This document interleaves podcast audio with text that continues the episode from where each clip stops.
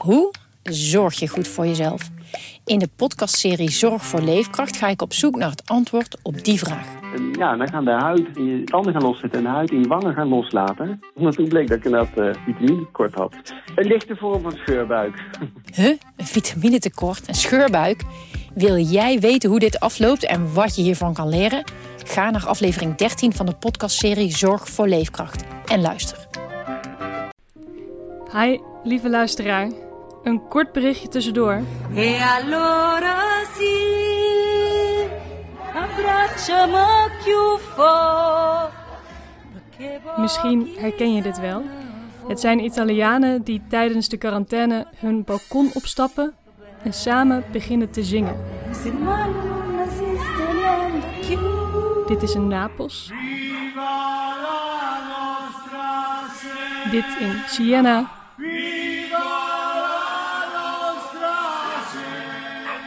Ik weet niet hoe het met jou zit, maar in deze tijden van hamsteren en een overvloed aan coronanieuws op tv, de radio en de kranten, heb ik een grote behoefte aan positief nieuws.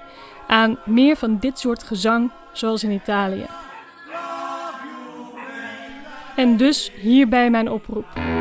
De volgende aflevering van deze podcast wil ik geheel besteden aan deze verhalen.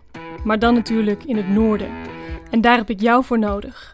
Heb je tips om deze periode zo goed mogelijk door te komen in quarantaine? Of geef je hulp? Zoals bijvoorbeeld Jeannette uit Anlo, die op Facebook aanbiedt om boodschappen te doen voor iemand die slechte been is.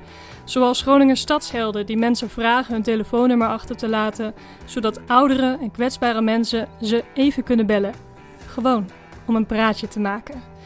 Of heb je iets positiefs meegemaakt? Juist nu.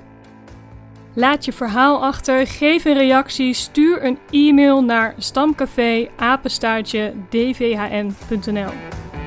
En dan delen wij je verhaal, zodat wij het verder kunnen verspreiden.